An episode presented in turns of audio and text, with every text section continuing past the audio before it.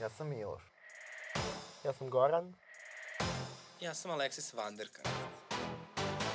Dad.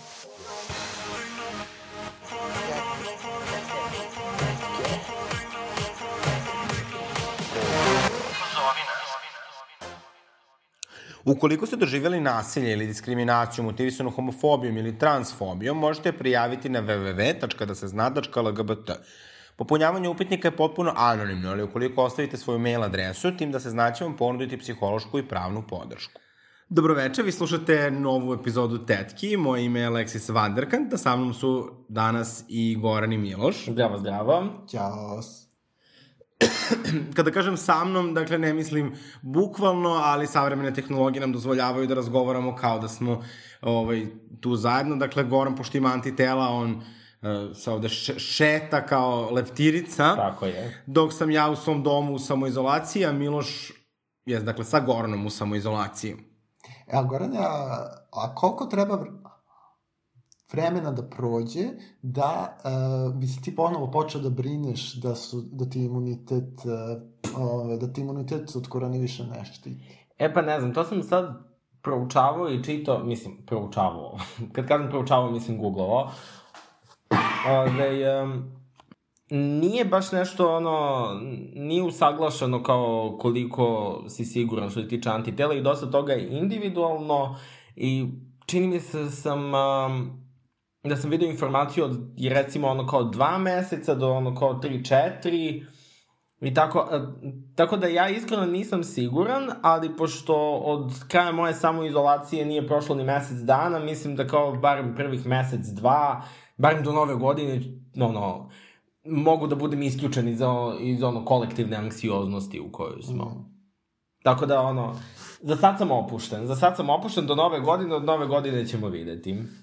Moj plan je da od sledeće nedelje odem da se uh, testiram na antitela, pošto bukvalno ovo mi je četvrti ili peti kontakt i svaki put kao ništa.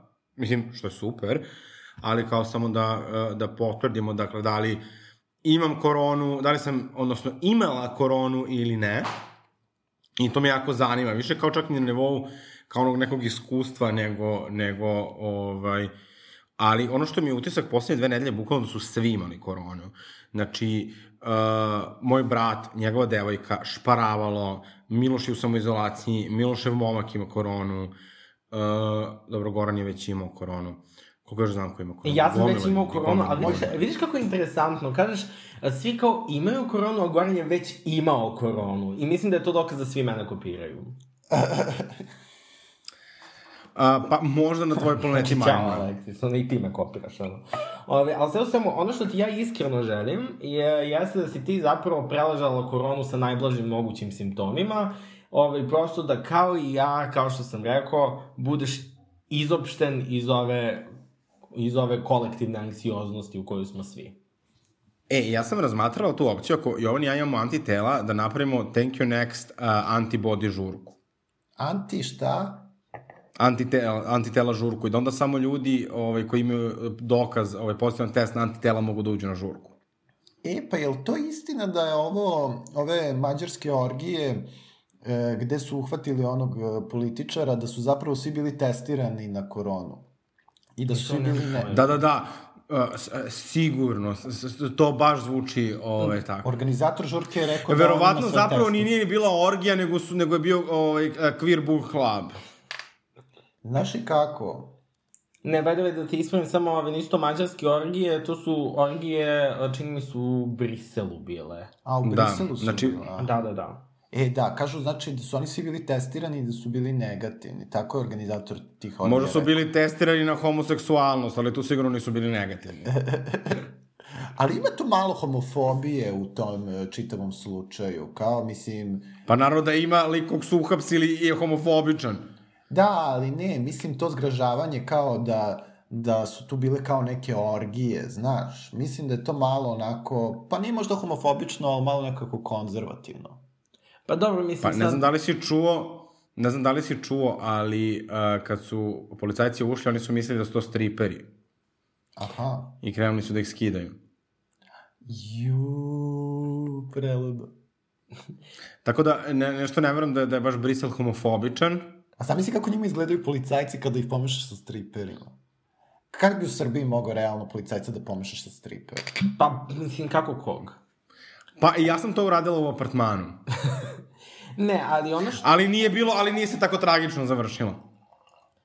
Ne, pa pazi, ovaj, uh, ima homofobiju u celom tom slučaju, en, u celom tom slučaju što je taj političar, mislim, de facto homofobičan i urgirao je ovaj, da se da se u ustav mađarski donese ona čuvena odrednica da je brak samo zajednica između isključivo muškarci i žene. Tako da u tom smislu ima homofobije, pa mislim ima pomalo, mislim ima i homofobije od ono kao opšte javnosti kao he he orgije, ali mislim da je to više do toga što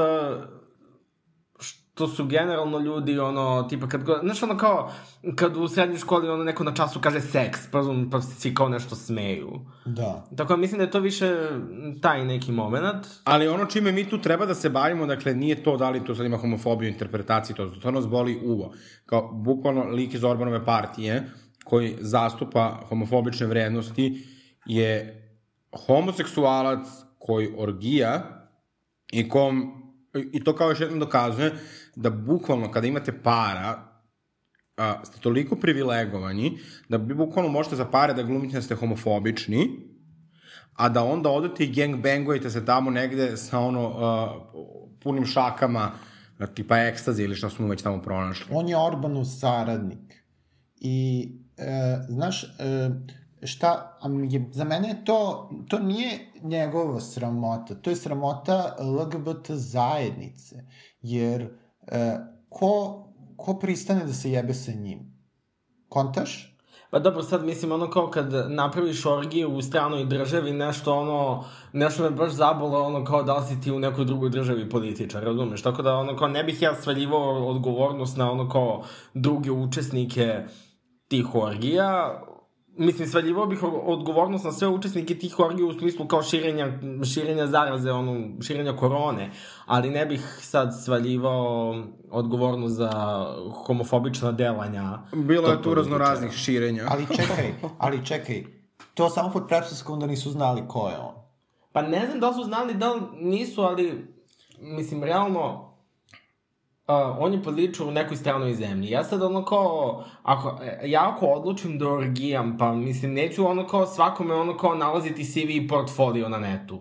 Dobro, da, ali ako znaš... Znači, Radi, ko još zna mađarski političar, ajde budimo realni. Pa dobro, ali da, evo recimo, da sad ti odeš na neku orgiju u Beogradu i vidiš tamo Boška Obradovića. Pa mislim da bi to bio fantastičan materijal za ucenu. Dobro, ali, ali... se jemo sa njim. Pa pazi, nikad ne reci nikad. Ove, uh, znaš kao, to su, to su situacije koje ono kao ne možeš da znaš dok ti se ne dogode.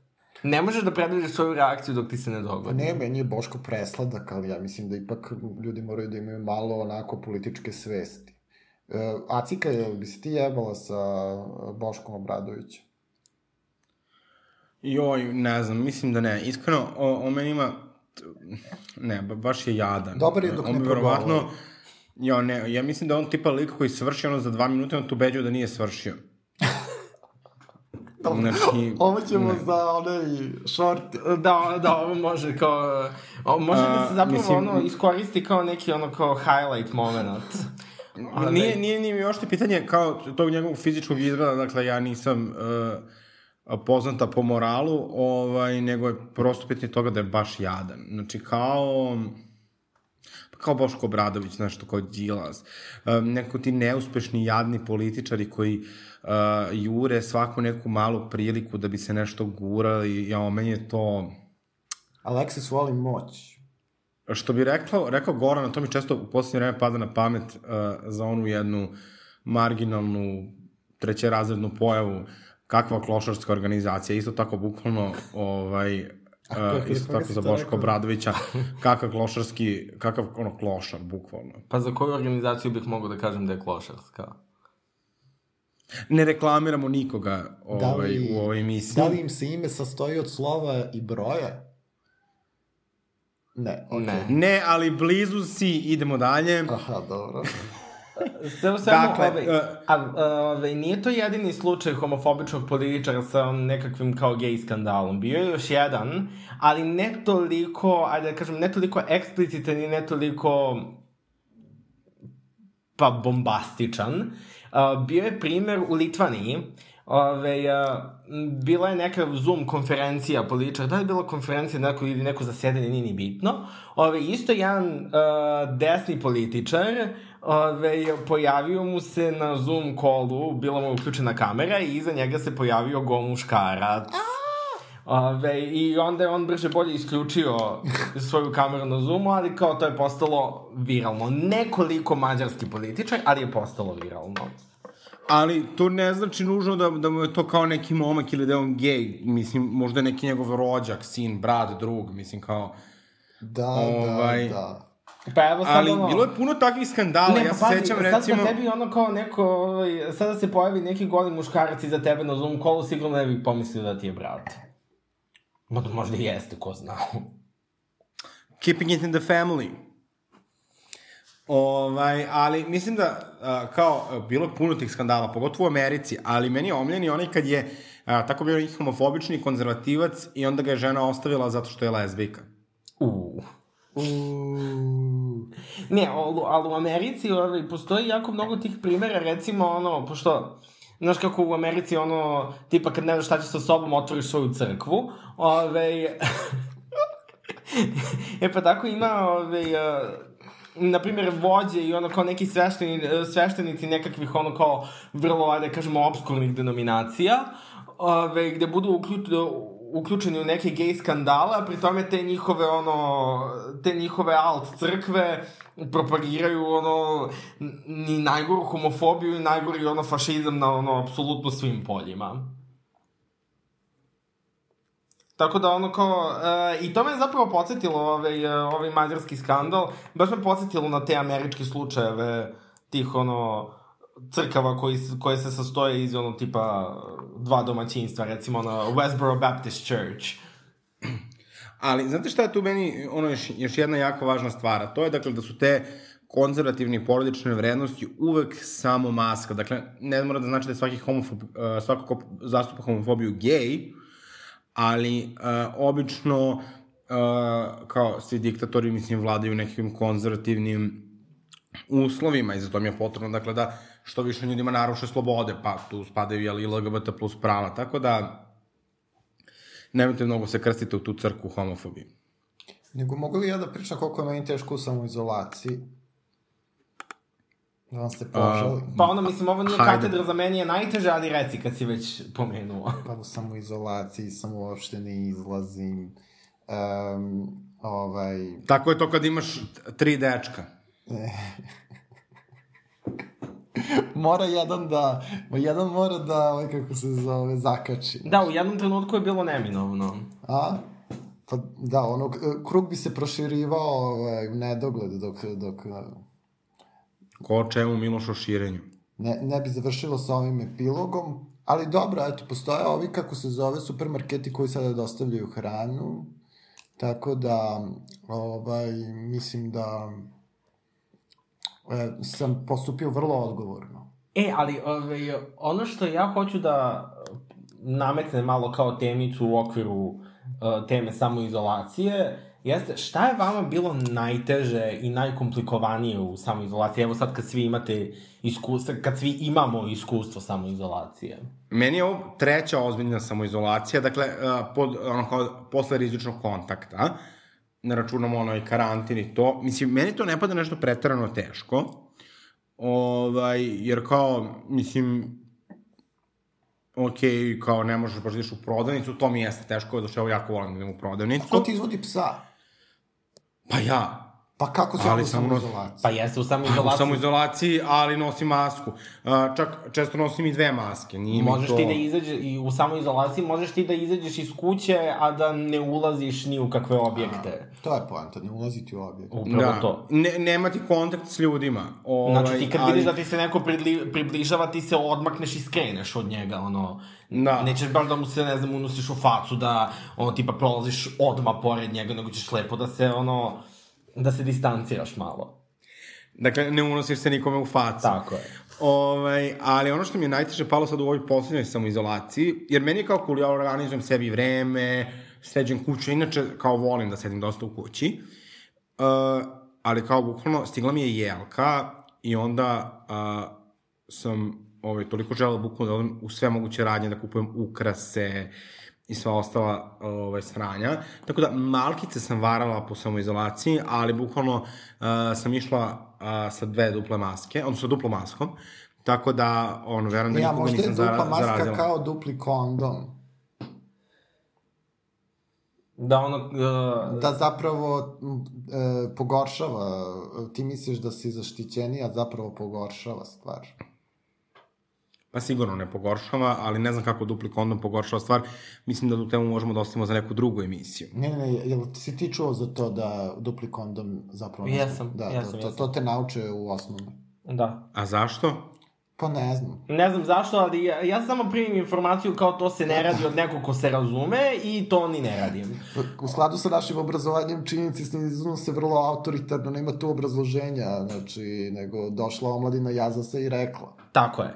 Ove, ali ono što bih ja izdvojio kao najizazovniju stvar tokom samoizolacije jeste da se bilo kuda prevezem.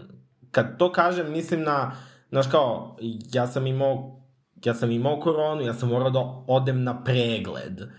Kao, moraš da odeš kod lekara, moraš da odeš u COVID ambulantu. Uh, taj čin prevoženja je jako, jako komplikovan. Ok, ja sam imao sreću da je moj otac prelažao koronu prvi, pa je on sve nas u porodici vozikao uh, vozikao koje kuda gde je trebalo. Mislim, kad kažem koje kuda, mislim samo na infektivnu kliniku i na mm. COVID ambulantu, ali jako je komplikovano. Mislim, ne možeš sad, bilo bi neodgovorno da ti kao pozitivan kao koristiš gradski prevoz, a s druge strane ono, tipa, da pozoveš sebi taksi, to je malo manje neodgovorno, s druge strane da li ono kao reći taksisti da si pozitivan ili negativan, ako kažeš da si pozitivan neće da te vozi, i ono kao ne možeš da dođeš do A do ti, ambulante. Pa evo, ja A sam... pri tome- Ali meni je kargo vozač, ali meni je kargo vozač rekao da je vozio pozitivno na COVID-19, da mu to nije nikakva frka. E, ali to je, mislim, to zavisi individualno od vozača do vozača. Ja sad kao kad mi treba prevoz, ne mogu da, da ja sad ono kao tražim među ono kao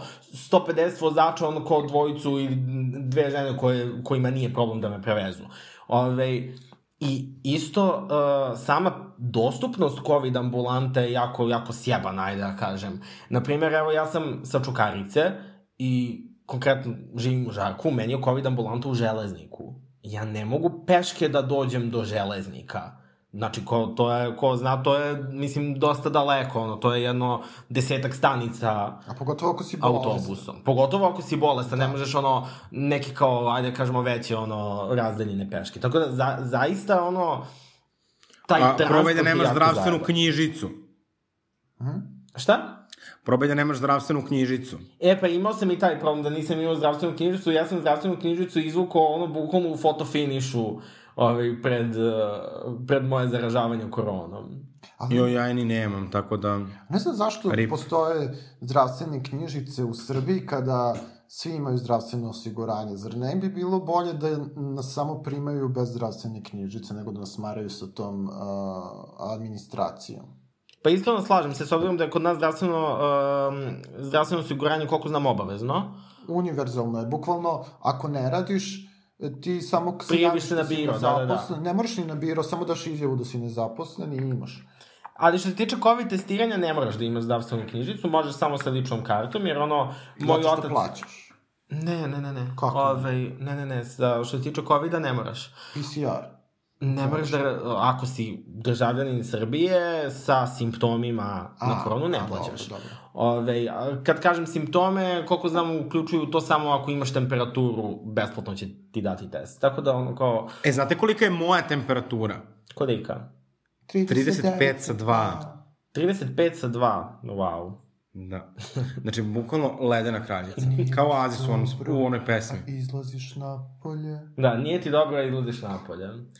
Ove, Ove, tako da ne, ali mislim u principu meni, ja na neki način malo romantizujem tu ovaj, samoizolaciju.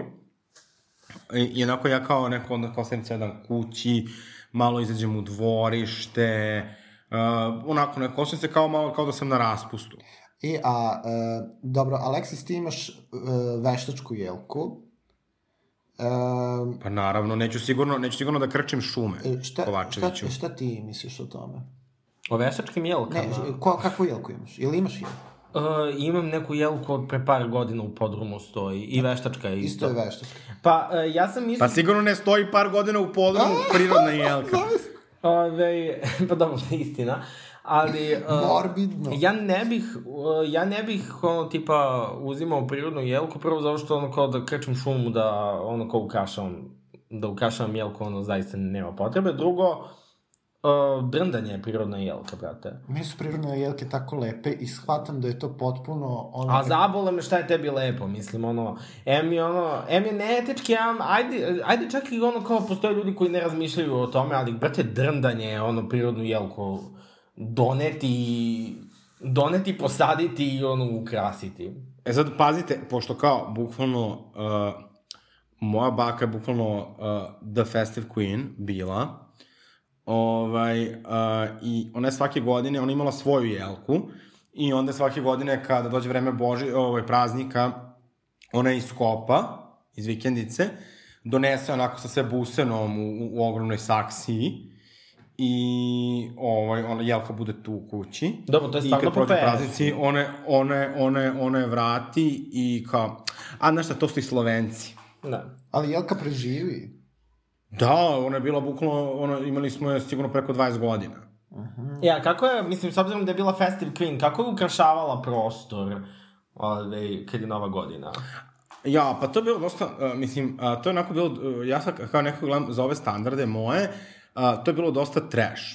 Mislim, kao nije bilo ružno, ali je bilo dosta šareno, nije to bilo, to je bilo kao više nekako, sva te dekoracije su više bile uspomeni neke priče, tipa ne znam neki uh, veliki ukras lupan koji moj deka ne znam ukrao kad su bili na nekoj proslavi nove godine u nekom hotelu i tako se neke ne znam što je njoj mama ovaj jo, jo, još kupila i tako mislim gomila nekih uspomena ali uh, definitivno nije to sad kao neki ovaj način koji je sad, kao sada više savremen Ja moram da kažem A- da sam ja tu na strani tvoje bake. Ono, ja mislim da uh, stan kad se ukrašava za novu godinu i jelka kad se ukrašava za novu godinu mora da bude, znači, jedina poenta je da sija. Znači, ono kad vidim da ljudi ono pristupaju iz neke ono kao pozicije dizajna interijera kada kao kite jelku, znači ono kao bukvalno ono... Pa evo kao Alexis. Ti imaš samo dve boje. ali mo, Belu i crvenu. ne, mo, Na jelci. Pa, u- ne, ne, znači, uh, ovako, znači ja sam skroz za kič, ali kao, možda ima neku temu, dakle, meni je više kao to... Ma koja je bre tema? temu, To treba da, Da se sija. uložiš.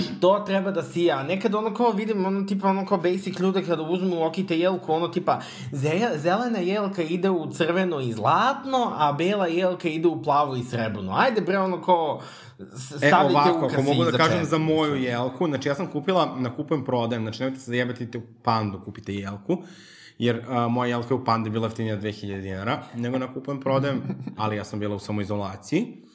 Ove, i zove se tipa Snežna kraljica, jako je lepa, znači, kao zelena je, a bor je, nije jelka, i ima onako sneg svuda po sebi, pa kao, dakle, dok sastavite, a, to se toliko roni, ali prelepo je. I a, nekako još pre mesec dana mi je odluka bila da kitim kuću u crveno. Tako da sva dekoracija dominira mi crvena, ali a, na jelci imam i druge boje. Znači, dominantni su mi ukrasi su mi crveni, ima ih gomila. Sad ih ovde sa zuma baš ne vidite skroz. Ali imam crvenu, najviše zlatnu, imam malo zelene i imam neke onako random ukrase koji su ono jedan po jedan. Ali ovo mi je zapravo prva godina da imam svoju jelku, zato što kao ove godine ne idem kući za praznike. I onda sam rešila kao pa dobro ove godine kao kad ću onda kupiti ovaj, sebi jelku. Jo, ja ne znam šta da radim. Mislim, ne volim veštačke jelke, ali opet mislim da nije ni okej prema ovim prirodnim da ih ubijem samo zbog sebe. Mislim da je Pa Miloš Miloš, u ovom ne trenutku... davimo Beograd, trebalo bi da znaš bolje. Mislim da je Miloš u ovom trenutku najteže. Bukvalno, prijavit ćemo ga da ga isključe iz Ne davimo Beograd. Ne, ali ovi, što se tiče kao kićenja stana, ja mnogo volim da bude okićeno, ali mene mnogo smara da se ono kao odrekam sa svojim ukućanima, ono, ovi, oko samog procesa ki, kićenja, jer mojim ukućanima, ono, ti, pogotovo ocu, sve ono, sve što je van neke ajde da kažemo, konvencionalnosti u, ono, kao u toku dana, njemu je to jako veliki stres da se bilo, da se bilo čime bakći, da njemu budu ono kao ukrasi tu ono kao po podu da bude tako lom. Tako da, Najgori ljudi. Bukvalno. Znači, samo me sabotira. Tako da, ne uživam u procesu kićenja jelke, iako volim, volim da bude okićeno. Tako da... A šta veličina jelke govori o osobi?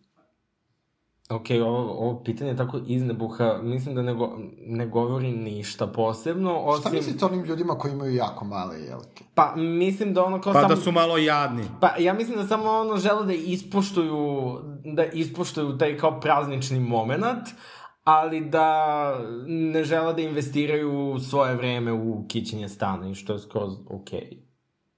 E, znate kako je moja baba radila? Ovaj, ona je, pošto kao voli kao tu novogodišnju dekoraciju, ali kao baš nešto nije ona umela kao da se nešto sad bakće time, niti je to nekad bilo zanimljivo. Ovaj, onda je moja tetka pošalje iz Beograda na, ovaj, okićenu jelku a, je poslala po meni autobusom. Onda sam ja u autobusu nosio tu okićenu jelku do Leskovca. I ona je tako držala. I onda Kako bukvalno- to moguće? O, Kako, kako uguraš autobus okićenu jelku? Pa samo daš Pa, vozaču pare da ono kao ćuti i to je to. I, ovaj, I bukvalno ona je držala uvijek tu jelku kao tipa tamo negde do, do maja, juna, ne, u stvari kad bude uskrs, i onda za uskrs promeni dekoraciju. Vidite ove godine kako je bila korona, pošto je baka umrla u junu, kao ona je bukvalno cele godine imala jelku, ali sad i dalje ima je jelku u jednom stanu, kao. Um, a Aleksis, evo što si ti uzela jelku od 2 metra i 10? Pa, a, zato što je to bila najveća koju su imali. Znači, ti voliš velike jelke. Uh, pa naravno, onda izgleda kao nekako dramatičnije, Ne, veće mislim da samo Alexis pati od, uh, pati od, uh, ajde da kažemo, jednog sindroma koji je isto zastupljen u mojoj porodici, zove se megalomanija. Ove, tako kod mene u porodici kad treba recimo da se kupe jagode, ove, moj tata ode na pijacu i kupi 5 kila jagode iako to niko nikad neće pojesti. E pa tako i ono kad se kupuje TV, kupuje se najveći TV, razumije ono ko. A dobro, a koliko bi, koliko bi bila tvoja jelka? Nemam pojma kolika može da stane u stanu, ono. Pa svaka može, 2 i 10 može da stane, nego... Ja sam... Ali nije samo, ne ide ti jelka samo u visinu, nego kao zavisi koliko imaš i lomu u stanu, da li imaš neki ćošak da je deneš, mislim. Aha, aha, aha, aha, da, da, da. Pa ne, ali ja mislim nekako da te male jelke mogu malo da izgledaju jadno, ovaj, i onda mi je to, to neki rizik. Sem ako je tipa ne popneš na nešto pa da napraviš neku foru, ovaj, ja sam baš htela da imam tako, pošto meni je kao naravno u tom prazničnom smislu uzor moja baka, a, ona je uvek imala, nakon što se ta jelka prirodna koju su imali osušila, onda je moj deka otišao, pošto je baka ovako donela kući i onda je shvatila kao da da ipak kao ono lo, loše izgleda jelka i da, da, da, je, da je pri kraju svog života. I onda se ona jako rastužila, a moj deka, pošto bukvalno i uvek se radi za moj baku, on je odmah otišao i kupio neku najveću jelku koja je bila toliko velika a, da, da smo morali da sečemo onaj vrh. I ovaj, onda kao meni nekako nije dolazilo u obzir, u obzir, a plus imam traumu, zato što kad smo se mi, kad smo mi bili mali, a, bukvalno smo imali jelku koju je kupio moj mami njen bivši muž, I to je bila neka, bukvalno, mislim, on je bio divan čovek, stvarno, ali ta jelka je bila toliko jadna, znači, ja ne znam, znači, kao kad bi ona organizacija bila jelka, to bi bila ta jelka. Ovaj, I tek kasnije, kad smo tipa mi bili sedmi, osmi razred, ne, ili možda i stariji čak, je moja mama kao kupila neku pristojnu jelku, ali kao bukvalno do tad sam ja uvek se pravio kao da mi nemamo jelku, mi je to bilo jezivo. E, mislim, ja stvarno, ako jelka nije više od mene, meni je to vrlo neozbiljno. Okej. Okay. E, to je odlično. Uh, mislim da je dosta o jelka, možemo da krenemo dalje. Ja, kako Goran smara. Dakle, kitite, jel, šaljite nam slike vaših jelki. E, da, da. E, ali slušajte sad, ovo, emisije ćemo bukvalno jedna- komentarisati vaše jelke. I uvek kad krenu praznici, ja sam uvek u fazonu kao Harry Potter, Sam u kući i tako dalje. Međutim, ove godine mi je pala na pamet jedna popuno druga ideja, jedna serija koja mi bukvalno mi daje toliko safe feeling, jer kao, naravno da ovaj podcast ne bi mogao da ima ni jednu epizodu bez, bez Biljane Srbljanović, i krenem ja da gledam Otvorena vrata. A dugo nisam, iskreno, nekako kad su bile one nove epizode, tad sam gledala, ono, pratila sam sve te nove epizode, koliko god da su bile gledljive i Pa ajde da negledljive. kažemo koliko god da su bile krš. Ovaj, jo, to je ali od tad nekako... Ju, ju, ju, to novo ne treba. Ali od tada... Ali od tada ovaj, nisam gledala iz nekog razloga, kako mi to bukvalno jedna od omiljenih serija, kao i svima. Ove, I sad sam ponovo krenuo da gledam i kao, nije mi sad kao samo da i dalje obožavam seriju, nego čak kao krećem da kapiram i neke momente koje ranije nisam. E, to sam isto hteo da pomenem. Ta serija meni je bila vrh zanimljiva kad sam bio klinac i onda kad sam kao malo stariji pogledao, baš mi nije bilo jasno zašto je to meni bilo zanimljivo kao malom, ono. Jer kao tek kad sam stariji kao kapiram reference. Ono, Ali zato što su oni kao neka luda porodica, pa su smešni, pa ih je puno, Pa meni je to bilo strašno primavljivo, pa je onaj stan tako zanimljiv. Ovaj, I kao juče, i, juče smo gledali epizodu sa Oljom Bećković, Aha. i to mi je zapravo kao jedan genijalni moment, kao Gde je ona da, to je medicinska jedini, sestra. Da, prvi i poslednji put da kao gledam bukvalno Olju Bećković kao kako glumi, mm. ali bukvalno ja tako, ono, kao ja tako nju zamišljam, bukvalno kao naš dođe kao na šamara, izdere se na ljude, spusti slušalicu i mrš u pizdu mater. To jeste.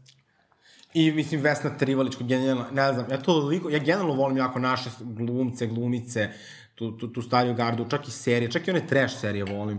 Ovaj, ali otvorena vrata su stvarno toliko genijalna, a, da me prosto duša boli što u to vreme nisu dobili još neku sezonu, a što je neko i taj revival, jer tada kad se taj revival desio, to je bukvalno bilo uh, vrlo brzo nakon što je Toma Nikolić pobedio na izborima, ne znam da li se sećate toga. I I kao, Nisam povezao te dve stvari, ali dobro. Da, da, da, da. Mislim da je čak bilo možda iste večeri da je Bojana Maljić to objavila. Međutim, ono što je kao tu stvarno, mislim, definitivno falilo, to je bila Biljana i bukvalno taj njen uh, ludački, ne samo smisao za humor, nego, nego smisao da, da napravi priču koji pro, prosto bez kog kao serija nije imala toliko poante. Čak kao te prve neke epizode su možda bile okej. Okay. Moram da priznam da mi malo i Vesna Trivalić, recimo, neko čudnije glumi i da mi je, ne znam, recimo isto uh, Gutović mi je malo zarobljen u, u onom Šojiću, a onda s druge strane ovaj Cijanović mi je malo, malo previše mile protiv tranzicije i nekako mi kao nije imalo tu hemiju. E, uh, i zapravo, šta sam teo da kažem, ovaj, mali onako kao što bi se reklo hot take. Ove, meni Vesna Trivadić uopšte nije neka sad, da, da kažemo, van serijska glumica. Ono kao, uh, m, uh, sad ću da objasnim pre nego što se ono, svi krenete da se zgažavate. A, sutra ga izbacujemo, sutra ga izbacujemo iz tetke, ono poslednje epizoda. e, zato što mislim da dosta toga jako nekako glumi manirski. Ove, I njoj, ona ne, nekako čini mi se da nema neki sad, nema neku raznovrsnost što se tiče glume i kao sve glumi na jako sličan kalup i kao to nekada pali, nekada ne. I on kao u otvorenim vratima je kao baš palilo i možda... Znate gde još? Gde? U Anđelima. Pa moguće, da, moguće, moguće. Znate, kad se baci kao, kaže, prolazim kroz pakao, Niki... Zna- e, Znate ono, ja bože, to je bilo fajno. Ali, ali Vesna Tri, meni je Vesna Trivilić super glumica. Ja se slažem da ona kao ima te uvek nekako da glumi predramatično. Da, i zapravo ove, njoj A- A... odlično leže uloge koje se suviše afektiraju. Recimo uloga Bisenije u porodičnom blagu. Je njoj legla savršeno, ali kao ta, ta uloga se afektira. Jer ono, to je ono, ta Klingi me, ono, medicinska sestra. Ove, takva je prosto uloga i njoj je to dobro leglo, ali kao generalno ne mislim da ove, ona može u kao svemu i svačemu da se snađe, kao mnogi dobri glumci. Pa dobro, sad, ja ne znam to, ali meni, onda kad vidim Oliveru Marković, recimo, meni bude toliko teško. Znači, uh, Olivera? Marković, takva... Jasno, Da, nekoliko godina. Bože, moguće ovo, evo, pozdrav za Petkmila, uh, znači, ko, ko je isto to napisao, šta je on beše nešto Kao, ne, napisao? uh, da, uh, Petkmil, uh, ove, um, na Twitteru, ove, um, Uh, bila je, Alexis je stavila kao ove, uh, tipa kako voli Oliveru Marković, šta ti ja znam, i Petkmil mu je napisao kao nemoj da izazivaš ovu godinu. da je ko, žena je umrla, kao ja, jebote, Kao pre... žena je umrla, pa već je, već je bila mrtva, mislim, ono, kad su se snimala nova otvorena vrata i kao Da. prva epizoda je imala omaž posvećen Oliveri Mar liku Olivera Marković. Ne mogu se setim uh, kako se zvao lik. Uh. Uf, ne. Gospođa Angelina. Je, jeste, gospođa Angelina, operska pevačica. O, Iz komšiluka. Profesorka solo pevanja. Ali, ne, ne, ali ta serija je toliko genijalna. Mislim, i, i, i, i stvarno kao neko ima dobru osnovu i taj stan je fenomenalan. Sve te instalacije koje su oni pravili. A mislite da je stvarno ovaj, stan? Ili da je studio? Ne, to je, ne, ne, to je uh, bio studio na Košutnjaku. Aha. Uh, tamo se sad snimaju Zvezde Granda. Jel da? Da, a onda, ovaj, posle toga, to su kao, to je kao, ono, pristojnit je baš imao meltdown na te, na te stvari. E. A onda su ga, na, su napravili, čini mi se, novi studio u areni. Znači, ove nove epizode su snimane u areni. Ovaj, ali ni, opet nije mi ni taj interijer bio toliko, to, toliko dobar. Opet imali su neku interesantnu priču, pa su imali onu kao, onu letu komunistkinju. Ovaj, i to, a, mislim, meni je to sve cool. Ja kad nešto volim, kao ja sam u stanju da gledamo kao neke ono, najgore izdanje. Imalo je to neke svoje okej okay momente, ali je daleko, daleko od onoga što su otvorena vrata. Pogotovo kad pogledate, to bilo 95. godina. Da, isto, ovi, što se tiče samog uređenja tog stana, mislim da je malo u novim otvorenim vratima promašena poenta, u smislu. Ove, onako sređen stan 94. 5. Uh, bi tačno označavao nekakvu ono uh, socijalističku porodicu koja je bila onako malo i dobrostojeća socijalistička porodica, ono, porodice kao priznatih umetnika, ovo, ono, ove, i koji su ono kao 80-ih lepo sredili stan za to doba i to je to. I onda kad vidite stan u kom su nova otvorena vrata, samo kao vidite ono kao neke upper class ljude koji ono, nekako taj interijer mi nije, uh, mi nekako ne odgovara cijeloj priči ovi, što se tiče porodice. I to je zapravo, za, zapravo Dobro. Ove, uh, problem sa mnogim serijama. Recimo, ako se sećate, ove, kad su bili Seranovi i kad smo mi napravili Sinđeliće, onaj kao spin-off Seranovih, uh, kao Seranovi su jedna ono srednje kla, srednjeklasna porodica u Španiji, koji imaju ono kao, ok, imaju veliku kuću, ali kao ima ih mnogo, mislim, u porodici. A onda ovde ono tipa, kao prikazuju neku ono kao porodicu, mnogobrinu porodicu iz srednje klase i oni žive u nekog tipa vili na dedinju. Da. Mislim, kao ba, baš mi... Ali to je generalno uvek problem kod naših serija. E, Znači, je to kao e, je interijer. Valjda je, pro, uvek, valjda je poenta kao kad... Neretko su imena. Ne, ali kao... Ne znam da ste provalili. Valjda je poenta kad napraviš lošu seriju da ono kao napraviš bar da bude u dobrom stanu da ljudi komentarišu interijer. Moguće da je do toga. Ali da li ste provalili, kod nas, kod nas u serijama ovim novim, uvijek imaju neka čudna imena. Se kad su bile one žene s dednja, pa ne znam, Čarna, pa ono, kao bukvalno ko se zove u Srbiji Čarna. Sem devojke koje nas fotkao, ali kao redko I i... veliki pozdrav za nju i mnogo je volim. Ona je divna. Čarna Nikolić, E, ja, ali, ali ja pokazujem srce, ali ja pokazujem srce, ali to Čarna nema. pozdrav i shout out za Ovo, nju. ali, E, ali to uvek su priča- tako neka... To što... Klara, Klara, kao, ko se zove Klara, uh, sem kućne pomoći, ove dadilja Željka I Kulića. znaš ko se još zove Klara? Ona žena Klara iz Helsinškog. Helsinškog. Da. Da, da. Ovaj, ali to sa čudnim imenima, mislim da je to za ostavština Siniše Pavića. Ako znate, ovaj, u njegovim serijama uvek imate nekakve ono tipa vrlo random imena, ne znam, Lola Golubović, gospodin Popivoda, Zagorka Patrnožić, Ove, tako da, o, on je, ja mislim, tu postavio standarde što se tiče ono imena koje ono kao niko ne nosi, ali kao nekako imaju smisla. Ja. Samo je on to očigledno umeo, a ono mnogi današnji scenaristi to jednostavno ne umeju. A kad biste imali I sad- decu, ja biste, kako biste im dali ime?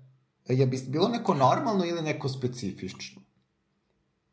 Ja mislim da bi bilo neko, mislim, neko, ne toliko uobičajeno, više mi je bitan kao neki sentimentalni moment. Uh, recimo, uh, kod nas u porodici je kao to neko kao porodično ime Ana. Moja baka se zvala Ana, moja tetka se zove Ana i moja sestra se zove Ana. Znači, Ana. Ovaj, pa, vrlo verovatno, ovaj, problem je što, kao, ja bih uvijek tako volao po nekim predcima da dam imena koje, koje sam volao, po nekim ljudima koje sam volao, možda, možda bude i neki prijatelj, ne mora da bude iz porodice. To mi je lepo.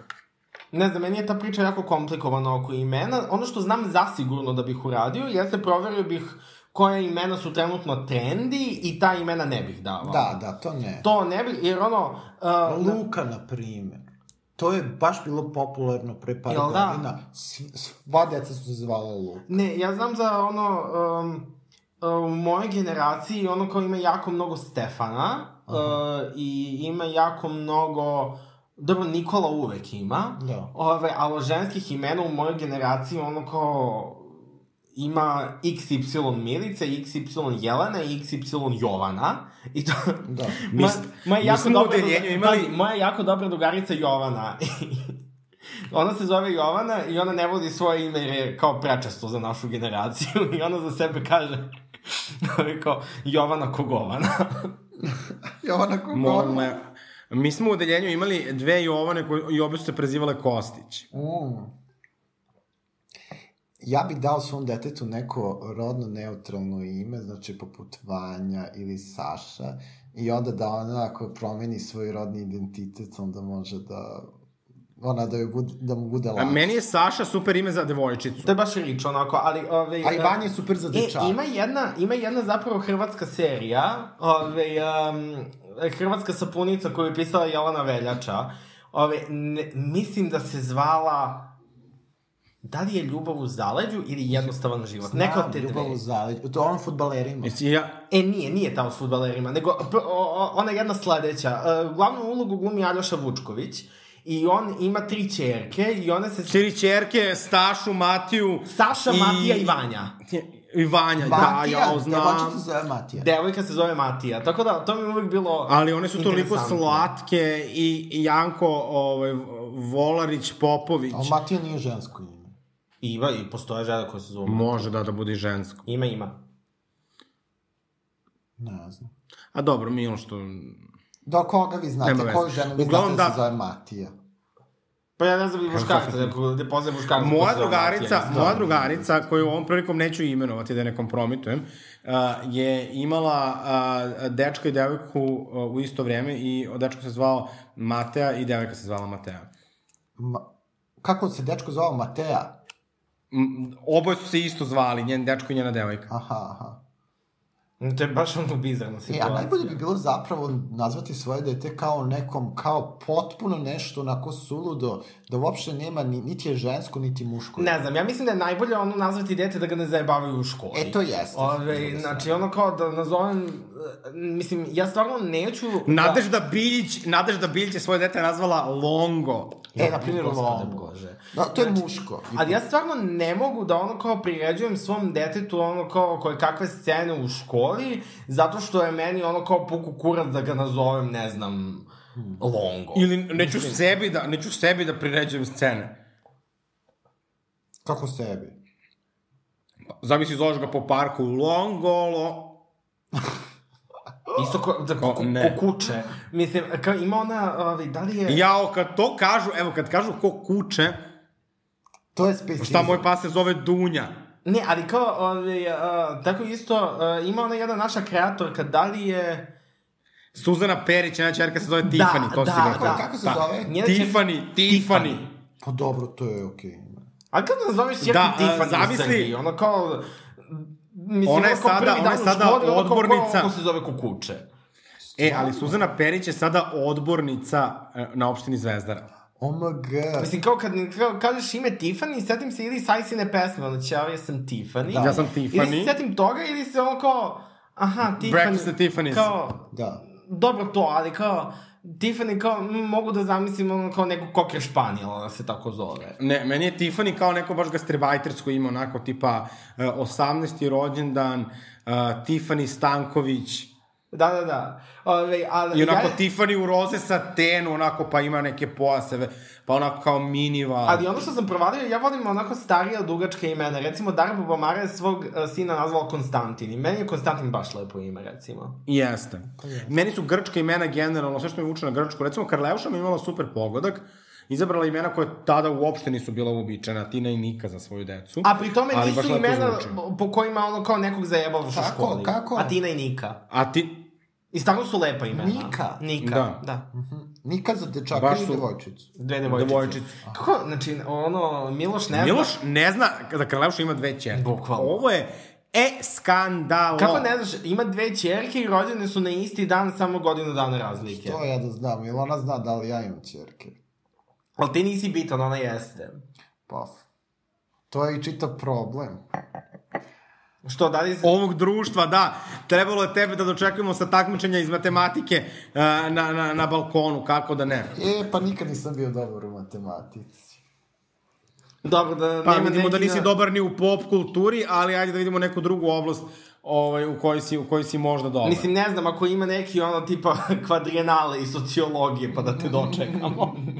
Ili recimo poliamorije. Mislim da je ono, mislim sad- da je najzanimljiviji deo tetke kada ono kao malo podjebavamo Miloša.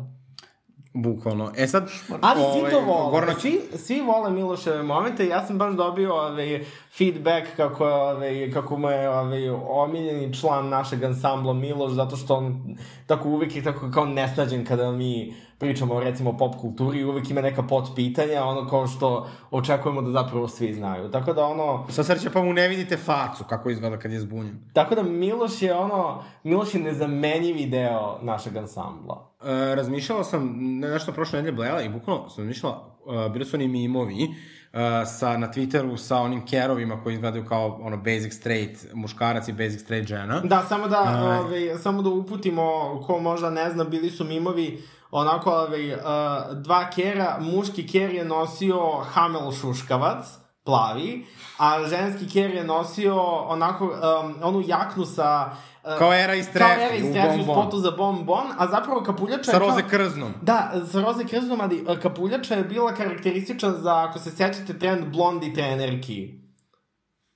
Ne. Jedno vreme su ono sve devojke nosile ove, uh, sve te kao, mislim ja bar kad sam bio u srednjoj školi. Plišane, Juicy Da, Couture. kao Juicy Couture, samo ono kao, mislim, dosta jeftinija varijanta, dosta povoljnija varijanta. I zvale su se Blondi, sa Y. Ove, uh, tako da, to je ono, ove, taj meme Basic Straight Lick i Basic Straight Riba. Ove, sad, Alexis nastavi. Uglavnom, I ja sam tada kao napravio neki mim, zapravo sam uzela, pošto uh, svako je koristio prvo tog samo strej ili tog lika ili kao ribu, ja sam uzela, spojila ih i bila u fazonu kao, rešili smo da napravimo zajednički Instagram. I kao, meni je to, uh, bukvalno ono što meni bude kao heterofobija, to su kao ti kao heteronormativni parovi, sad ne moraju nužno da budu i straight, ali kao, ajde da problematizujemo straight ljude, da budemo heterofobični, kao, koliko mene to smara. Šta vas najviše smara kod straight parova? Uh, konvencionalnosti uh, uloge. I ono, tipa, ko mora... Da, ono što mi uvek cringe kada slušam kod ono kao straight parova, ono, kada, ne znam, slušam drugaricu kako je izašla na dejt sa dečkom, ti, tipa, ko će da plati račun? Te, ono, pa čitava ta kao kombinatorika, uh, zašto muškarac mora da plati ceo račun i zašto treba da kao platimo 50-50 i ono kao čita, čitava ta mentalna gimnastika ovaj, oko plaćanja računa u kafiću i kakve to subliminalne poruke donosi ko je platio račun. Kao, me, mene ta, ono, ovaj, te situacije me kao jezivo, m, mislim, prvo nisu mi jasne, drugo malo me smaraju. Ove, I ono, u takvim momentima sam bukvalno ono presrećan što sam peder, ove, gde ono kao takvih, uh, takvih momenta ono, nema i plaća račun ko trenutno ima ili se plati 50-50 i ne, ne postoji ta vrsta opterećenja. Inače, ako hoćete da znate kako da podelite račun, ima nova HBO serija How to How to with John Wilson. Ovaj, mislim da je bukvalno ultra jeftina, ali je prezabavna i jedna od epizoda se bavi time kako da podelite račun. A, Ali mi se ovde bavimo problematizacijom pa da, heteroseksualnosti. pa mislim, ne znam sada da li sad je to nešto specifično za straight ljude, ali ono što ja pomislim, kao kad pomislim na kao straight parove i uopšte straight ljude, jeste ta neka onako, ta neka onako neka porodičnost kojom oni onako odašilju tu neku porodičnost iz sebe. Već ih onako zamišljaš na nekoj slavi, e, e, tako su kao neka... Bože, Doček nove godine, doček nove godine u, u Istanbulu. Inače, Miloš se sad nasmeo jer sam mu ja pokazao mim o kom Da, smo pričali, ali jer ga Miloš naravno nije video. da, aj pokaži mi devojku. Evo, evo i ide. Ja, e da. Znači, i tako su nekako, mislim, kako kažemo, nemaju ukusa, ni jedni ni drugi, znači ni sad te straight žene, ni ti straight muškarci. To sve izgleda, mislim, jako jadno i te konverzacije su jako jadne. I ne znam, mislim... Ne, Miloš je kao ja, ono, ko, koji kažem, ono, ukusima ne treba da raspravljati zato što je moj ukus bolji. pa ne, ali... Znate da je moja, moja drugarica je raskinula sa dečkom, odnosno dečko je raskinuo sa njom, uh, nedelju dana nakon što je ona rekla, uh, što je ona rekao kao ja, jedno čekam da krenemo mi da slavimo slavu kao zajedno, I ona kao bilo fazonu molim i on kao, pa kao da slavimo slavu, kao da preuzmemo od mojih, kao da imamo sve te njihove goste. A, to si rekao, kao... da, u prethodnoj. I ona je bila iz fazona kao, pa dobro, kao, super, kao, va, kao da. I on kao, pa dobro, ti moraš da naučiš da spremaš na bilo fazonu, kao, pa dobro, ali možemo sve da naručimo. I on kao, a, pa ne možeš za slavu. I kad je ona bila u fazonu, ma da, najče ću spremam za sto ljudi, on je bio šokiran. Isto, citirao bih opet Cecu, ono, mislim, žao mi je, ali tako je.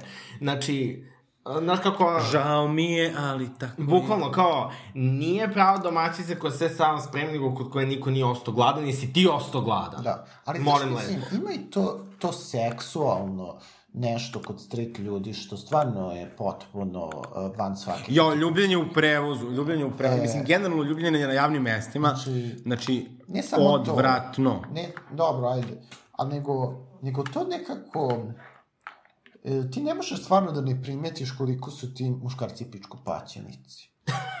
mislim, i, i, a, a te žene, one su ubačene one neke, na, i mislim, nisu na one krive jadne, ali ubačene su neke najdebilnije, znači, te priče kad ti čuješ, kao ona kao nešto neće da da, a on kao nju kao nešto tera, pa kao, znaš, kao, i ti si u fazonu, kako, kao drama oko seksa, a to je neko sve ultra konzervativno, a, i, a to ti muškarci generišu.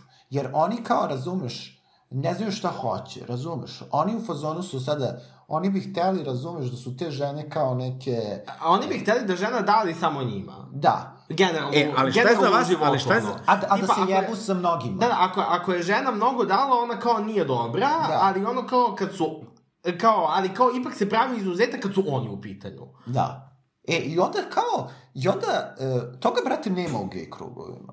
Mislim, stvarno, niko te ne gleda nešto kao loše zato što ste si sa ti mnogo jebali. Po Boga mi ima, ja nikad neću da zaboravim, znači, to je bio neki lik, a, ono nije ni bitno, a, uglavnom on je to nešto kao mene muvao, kao malo me vozao, na kraju se ispostavio da on ima dečka, ali onda on meni uredno držao predavanje, kako, ono, a, ako si pasivan, ne treba da daš odmah, treba malo da tvrdiš pazar, um, ne treba da varaš dečka, dakle, za aktivnog momka je okej okay da vara, za pasivnog nije, Molim, on bi sto... ajde, Ja, ali to, meni, meni, jako, meni bude loše od tog preslikavanja heteronormativa, ono kao u gej vezama. Znači, ali ljudi to uporno pokušavaju. znam, ne znam ovaj, to... ali ono kao, jako mi je, jako, kao baš mi bude loše, jer kao, uh, imamo tu situaciju da generalno kao gej veze u Srbiji nisu prihvaćene. I kao, okej. Okay. Ali kao baš zato što imamo tu situaciju, brate, možemo da možemo bolje da manevrišemo, možemo da... Da on... zajedno budemo neprihvaćeni. A, a ne kao, ovaj, kad već nismo prihvaćeni, da ono, imamo tu privilegiju, barem da možemo kao u našim vezama da postavimo svoja pravila. Da, da znaš kako je meni to, znaš kako je, znaš što je meni kao ono, uh, znači kako prepoznati heteronormativnost. Dakle, uh, kad neko kaže to tako treba. Da. Da, Bukvalno. I, znači, to tako treba, to valja bukvalno... se, generacije pre nas su sve tako radile. Bukvalno. Goli to... otok. Znači, kao ako... A ti kaj za to da se ti ljudi koji to izgovore pošalju na goli otok? Pa nisam, mislim, to je koncept koji je blizak vama komunistima. Ove, ovaj, to je koncept koji je blizak vama komunistima. Ja ne, pa mislim, ja kao da se prodaješ kao levičar, evo sad si otkrio da si liberal. Ali mislim, ono kao, mislim, ne možemo baš ono da šaljemo ljude na goli otak samo zato što su jadni, mislim. kao tipa presuda, mnogo ste jadni. Kao, šaljem na goli otak zato što si slepac, mislim, ono... Krivično, krivično delo jadnost.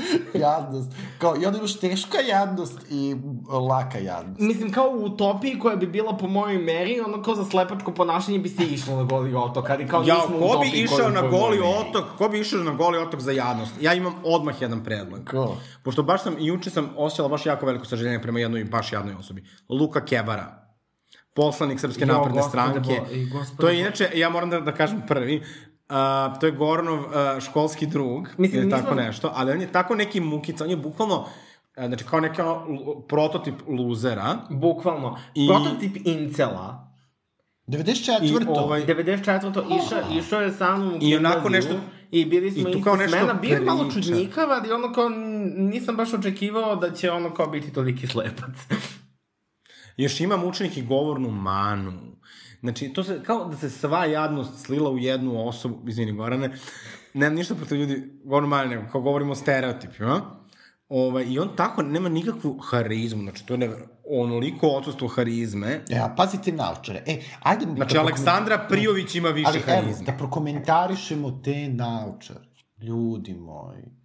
Pa ovo samo strit muškarac može da nosi. Ovo je ono kao... Da, takve naočare nosi i u srednjoj. To je ono kao ovako, e, ako uradite kod nas stakla, dobit ćete e, ram za jedan dinar. Znači, evo, to... Nisam baš, nisam baš očekivao ovoliko klasističke momente od Miloša, ali dobro. Ove, s obzirom da ono, ove, on je takve naočare nosio i u srednjoj kada nije bio partijski funkcioner.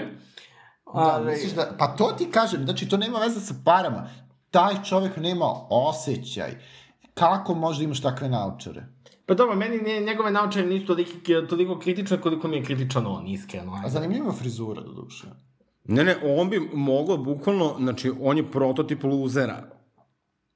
Ne, pa ne znam, ono, uh, baš mi je ono kao blam, no, što smo ono kao delili srednju školu zajedno, iskreno. A meni je, meni je čoče, mislim, i naravno, juče, podsjetilo me to što je juče držao neki govor o Đilasu, pošto ovaj, juče je opet, naravno, glavna tema uh, ovaj, u parlamentu bio Đilas, ali on je baš mukica. Znači, tačno možda vidiš, kao, sigurno su ga maltretirali u školi, što mi je jako žao. Ne znam, kao, raspitaću sigurno- se, raspitaću se po... Sigurno nikada Moj nije imao prijatelje. Moj brat je išao, i- išao u istu gimnaziju i njegovo je godište, tako da raspitaću se ono kao kakav je E, tretman raspitaj se u sledećoj epizodi, pričamo o tome, ali uh, bukvalno uh, kao zato kao nikad ne treba biti se ružno ponašati prema ljudima zato što ćete od njih napraviti monstrume, kao što je Luka Kebara. A dobro, mnogi od nas koji smo bulingovani smo postali dobra osoba. Evo ja prvi. Ali smo imali Evo, prijatelje, ali razlika je u tome što smo imali prijatelje. Jeste, jeste, imao sam dobre prijatelje. Ovaj, to, je, to je možda i naj, naj, najvažnija stvar. Ali da se vratimo na heteroseksualizam, ovaj, š, meni je, i moram opet to da kažem, meni je vrhunac heteroseksualizma su mi zajednički profili. Ali ja I iskreno kada mislim da... pišu ono volim te i tako to po društvenim A to mrežama. imaju gejevi. Ja nisam video gejeve, bar ne u Srbiji. Ja ne znam da ni jedan gej par da ima Ovaj, zajednički ali Instagram iskreno, ovaj, Možda Grindr, ali to je ja drugo. ne znam, da li sam ja toliko, uh, da li sam ja toliko ono izgradio nekakav ono kao mehur ljudi oko sebe, ali ja zaista sam stekao utisak da su zajednički profili na društvenim mrežama neka stvar koju smo napustili tipa recimo 2012. godine. Da, da, da. Ne, ne, ne, to je baš ozbiljno poremećeno. Znači, to je kao oni ljudi koji e, klasificiraju nameštaj. Ali to mi, to mi ono, Znači kao- to me podsjeća na situaciju, ovaj, moja jedna od najboljih drugarica, njeni, ovaj, uh, njeni roditelji su jedno vreme imali na, ovaj, na Facebooku zajednički nalog koji se zvao Ceca i Neca. Ove, I šifra je bilo Ceca, Neca, Deca. Gospode Bože. Ovaj, E, ali ta i, reprodukcija a, dakle, straight ljudi, to je ono nešto što je posebno e, nešto, mislim, za Ajde, ajde da damo savet za sve ljude koji su straight na ovaj ili onaj kako način. mogu da budu cool? Ka, e, kako jako ste Znači, straight samo da nemojte da se vodite, kad nešto, kad nešto ove, osete potrebu da nešto uradite, razmislite da li je to zato što za, zaista želite ili zato što uh, vas To tako tera. nešto tera. I ako je vaš odgovor da to tako treba, nemojte to da uradite. Radite stvari iz čistog zadovoljstva. Ali evo, prva stvar. Prvo, kako da budete straight i da budete cool? Prvo, nemojte biti homofobični. Ja mislim da je Prvo to... nemojte biti straight. Ne, dobro, ali oni su straight. Ima Znači, Karleuša onu pesmu koju nikad nije objavila, objavila je mislim da- tekst. m- mislim da smo se- Popi jedno piće, vidiš da si straight, welcome to Belgrade. Ali, Aleksis, mislim da smo se, do, mislim da smo se dogovorila da nećemo ovoliko javno da propagiramo našu gej agendu. Dobro, Treba da dobro. budemo malo diskretniji. Da. Mi smo samo hteli da vam Znači, bude lepo. Hoćemo, kažemo, straight su mi to poštujemo, ali to što ste straight ne znači da morate da budete cringe. Znači, prvo- Znači, straight, ali u sva četiri zida. Znači, poenta jeste malo nekako da oladite sa tim ono, porodičnim, reproduktivnim i tako to, i da ono, embraceujete kao malo više to kao na slavi, ono kao pokrenete temu kao peder i, i onda kažete kako ste vi gay friendly. To je potpuno za muškarca, na primer, ja bi se... No, ja... Ne znam, mislim da svaka loša priča krene sa ono kao pokrenuo sam temu na slavi. A? Svaka loša priča tako kreće. Pa, koliko, čekaj, koliko ste ja samo... impresionirali neki straight ljudi da ovako dođu na slavu i da dođu i da kažu kao, e, e kao, meni su geji super. I da to kaže neki muškarac.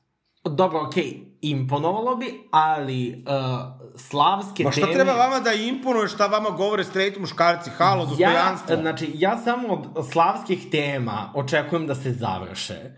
Znači, da se završe što pre. Evo, ja znam jednu, jednog cool straight lika.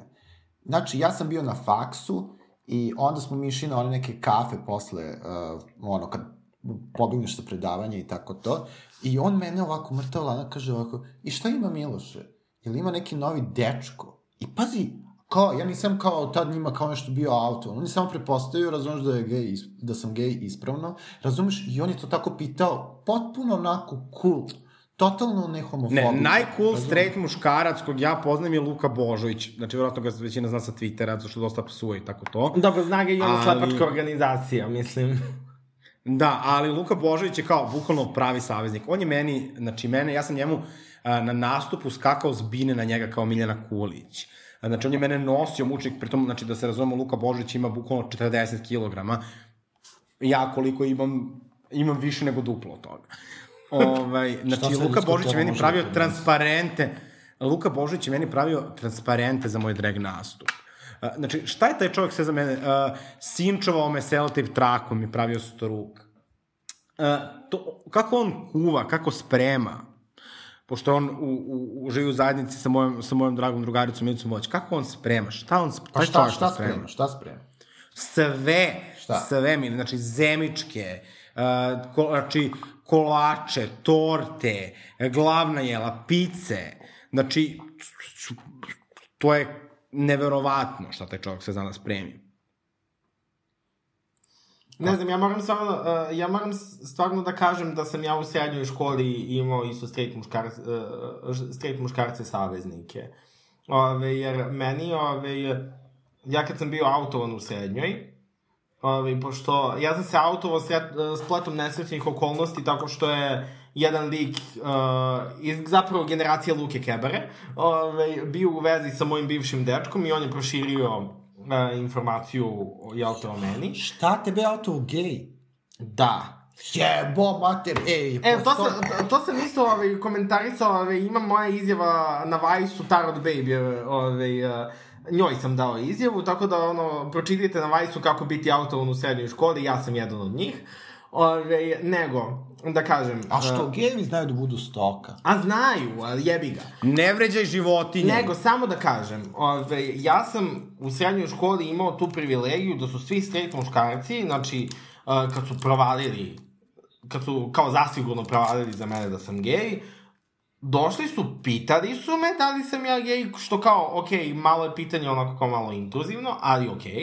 Ali ni u jednom trenutku nije bilo hejta. Samo su pitali kao, ok, kao bili smo radoznani, kao želimo da ono, kao znamo ono, tipa kako se ti osjećaš generalno i kao baš Ali... su bili vrlo friendly. Kao, stvarno što se tiče srednje škole, što se tiče mog odeljenja u srednjoj školi, ja sam stvarno imao jako, jako pozitivne utiske, što znam da je jako velika privilegija u, u Srbiji. Uh, meni je bilo onako, zašto sam imao drugarice koje su bile opasne, Ove, a i sred drugari su uvek kao bili neko na mojoj strani, ali to je katastrofa bilo. To je bilo katastrofa, ne želim da... To možemo neku poslovnu epizodu e, imao sam i ja tu situaciju. Ove, a, a, bilo je par ljudi u generaciji koji me ono kao nisu podnosili, i pre nego što sam se ja autovao, ali me nisu podnosili ono koje sam ono kao zapravo malo feminiziran to. Ove, Ako želite da imamo epizodu u srednjoj pazi, školi... Pazi, pazi, ta drugarica ove, je bila u kao okej okay odnosima sa njima i ona je njih ucenila da oni ne smiju meni nikada više da priđu i da me podjebavaju.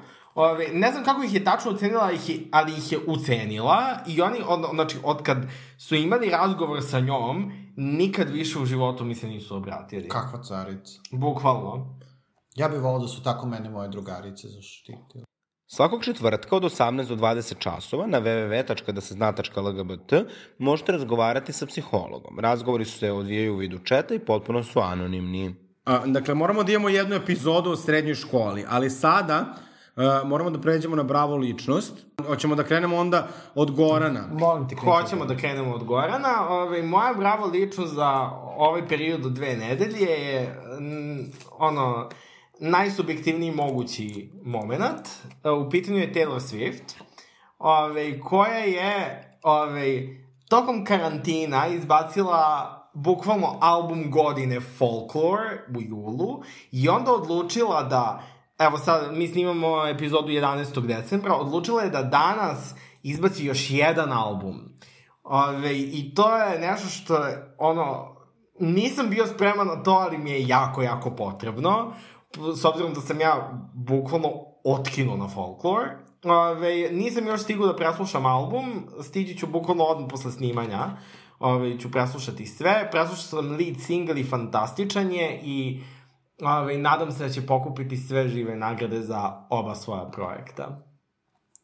E, Uh, da. ja sam pogledao ja, a stvarno predobar film od ovog uh, reditelja, ja ne znam ovog prezime, znači Jordan Peele, jel bi tako, ovaj... Pa ako je Amerikanac, onda da. Da, jeste Amer, znači on je crnac uh, i do sada je, i mislim ako ste gledali, znači neke njegove filmove, sigurno ste gledali um, ove, um, samo trenutak, znači Get Out uh, ili Black Clansman, ovaj, ali sad a, objavio... Volim kad Miloš kaže sigurno ste gledali, ja iskreno nikad čula. E, ali, ali totalno pogledajte, znači, e, ja sad, dobro, sad ovo je malo outdated jer je film iz 2019, jer film se zove As, i a, a sada preko, znači više je prešao sa rasnog pitanja na klasno, tako da sve preporuke za film kida, kida, kida i pokazuje zapravo kako, kakvi smo mi nesrećnici. Mislim, baš bi vama dvojici možda bilo zanimljivo, jer zapravo ovaj e,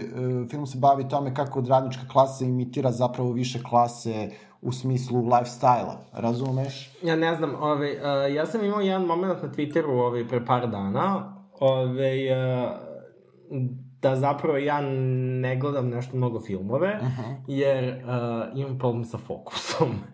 I ono kao, meni fokusiranje od dva sata na film je previše. Previše, ovo. Mislim da bi trebalo da se obrati nekom stručnom licu za to. Pa dobro, ali nema, možda su te serije prosto nekako, ono, navikle na pola sata, sat i to je to. Možda je... Znaš kao, nekako serije nemam problem da Teško gledam. je. A, serije nemam problem da gledam, jer kao, iako imaju mnogo epizoda, znaš kao, kad mi je dosta, uvek mogu da prekinem i da nastavim dalje.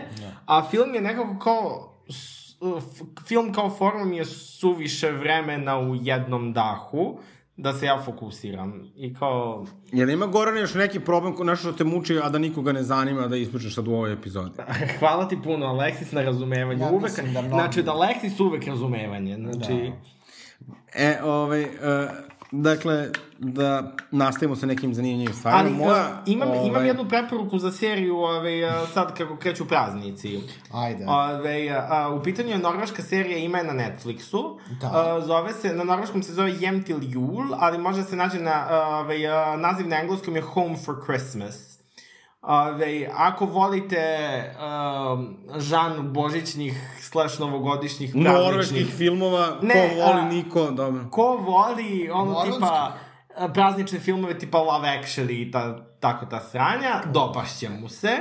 Ove, u pitanju je serija od šest epizoda, ove, taman između, na, taman da se gleda između nove godine i Božića. Tako da, eto vam preporuka za, za seriju. Hoćemo mi imati epizodu A ti pre ciljaš, Nove a godine? ti ciljaš, a ti ciljaš na, a, a ti ciljaš na pravoslavnu publiku, Gorane. Pa ciljano, pa, a, rekao sam između nove godine i Božića, jer je tu tačno ono kao sedam dana, tako da ovo je šest epizoda, tako da uglaviš. Šta ako, su, šta ako je naša publika pretežno katolička? Onda gledajte kada bu, ono, gledajte pred Božić, dok je advent. Misliš da nas prati više u Hrvatskoj nego u Srbiji? Pa ne, postoje, uh, mislim, evo ovako, srdačan pozdrav za sve ovaj, uh, ovde od jedne uh, srpkinje, polu uh, katolikinje. Ja moram da kažem da ono kao tetke nemaju granice. Mi smo pravi kosmopoliti. Tako je. Internacionalisti. Dakle, moja brava ličnost uh, je ova gospođa Margaret uh, Keenan koja ima 90 godine i koja je prva u Britaniji primila Pfizerovu vakcinu, jer naravno mi iz gay lobija ovaj, podržavamo globaliste, tako da nama potpuno odgovara ovaj, da se sad ljudi vakcinišu i da ih sve kontrolišemo, šalim se. Ne, stvarno mislim da je sjajna i preslatka je i strašno je hrabro da u ovim vremenima kada se dezinformacije u toj meri šire u kojoj se šire, neko uh, preuzme i bude tako sladak ambasador uh, tih vakcina, šteta što ih mi nećemo dobiti još fazom godinu dana. O. Šteta, šteta, zaista. A jel, sad, e, ćeš ti nećeš vakcinisati zato što si prelažu koronu ili ćeš ti ti vakcinisati? Uh, ja sam, moje mišljenje je da ću se ja vakcinisati kad god bude dostupna vakcina za mene. Znači, ako se, ako se proceni da ja nisam prioritet zato što imam antitela, okej, okay, ali ako, znači kad god bude dostupna meni vakcina, ja ću je uzeti. Ja toliko ne volim antivaksere da ću ja da se vakcinišem bukvalno na sve. Znači... Znači, tetke su za vakcinu. Ne, pa meni je omiljeno da ja sam imao koleginicu, ovaj, uh, dok sam radio u call centru, imao sam koleginicu koja je bila antivakserka, ja sam, ja sam hteo da se ovaj, vakcinišem ovaj, uh, protiv sezonskog gripa samo njoj u inat. ja se inače nikad ne vakcinišem protiv sezonskog gripa zato što ne, prosto nemam tu naviku. Ove, a ko si sve vakcine primio ovako u životu gore? Najde, molim te, priča nam jako ne zanima. ha, ha, ha. Ali sve u svemu, ja sam teo dakle, samo njoj vreme je da glasamo. Dakle, vreme je da glasamo dakle, za bravo ličnost ove nedelje. Miloše, za koga ti glasaš?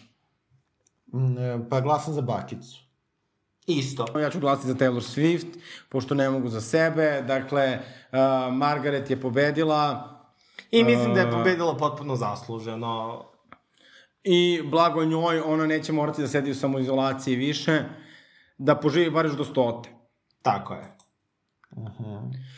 Eto, hvala vam puno što ste bili uz, uz nas. Uh, nadamo se, čujemo se, dakle, u sledećoj epizodi se ne samo čujemo, nego se i gledamo, jer tetke rade uh, novogodišnji specijal. E sad, samo prvo kad ćemo to snimiti, ali to bi trebalo, po svemu slučaju, da izađe 1. januara, jer mi smo nešto razmišljale. Uh, ako izađe 31. niko neće gledati 31. Prvo, kad svi sede kući, mi im tad uvolimo da gledaju tetke. Tako je. I onda 1. januara, znači video, podcast, ja šijem haljinu. E, da izađemo, znaš kada ćemo da izađemo? Odmah posle Bečkog novogodišnjeg koncerta. Znači, to samo ti gledaš i ono tipa ljudi koji, ono, ne znam, to na moje razredu muzičko je to znači, volao da gleda. Odgledate Bečki novogodišnji koncert, onda posle gledate tetke da se dekontaminirate od sve te visoke kulture. Ok, kogod da, da gledam... Miloš će, Miloš će 1. januara biti kod mene, ovaj, Tako da ćemo ali, slušati zajedno. Ali, Pa, dogovorit ćemo se. Uh, ništa, hvala vam puno na vašoj pažnji i izvinite uh, zbog svega. Vole vas vaše tetke. Ljubimo i volimo.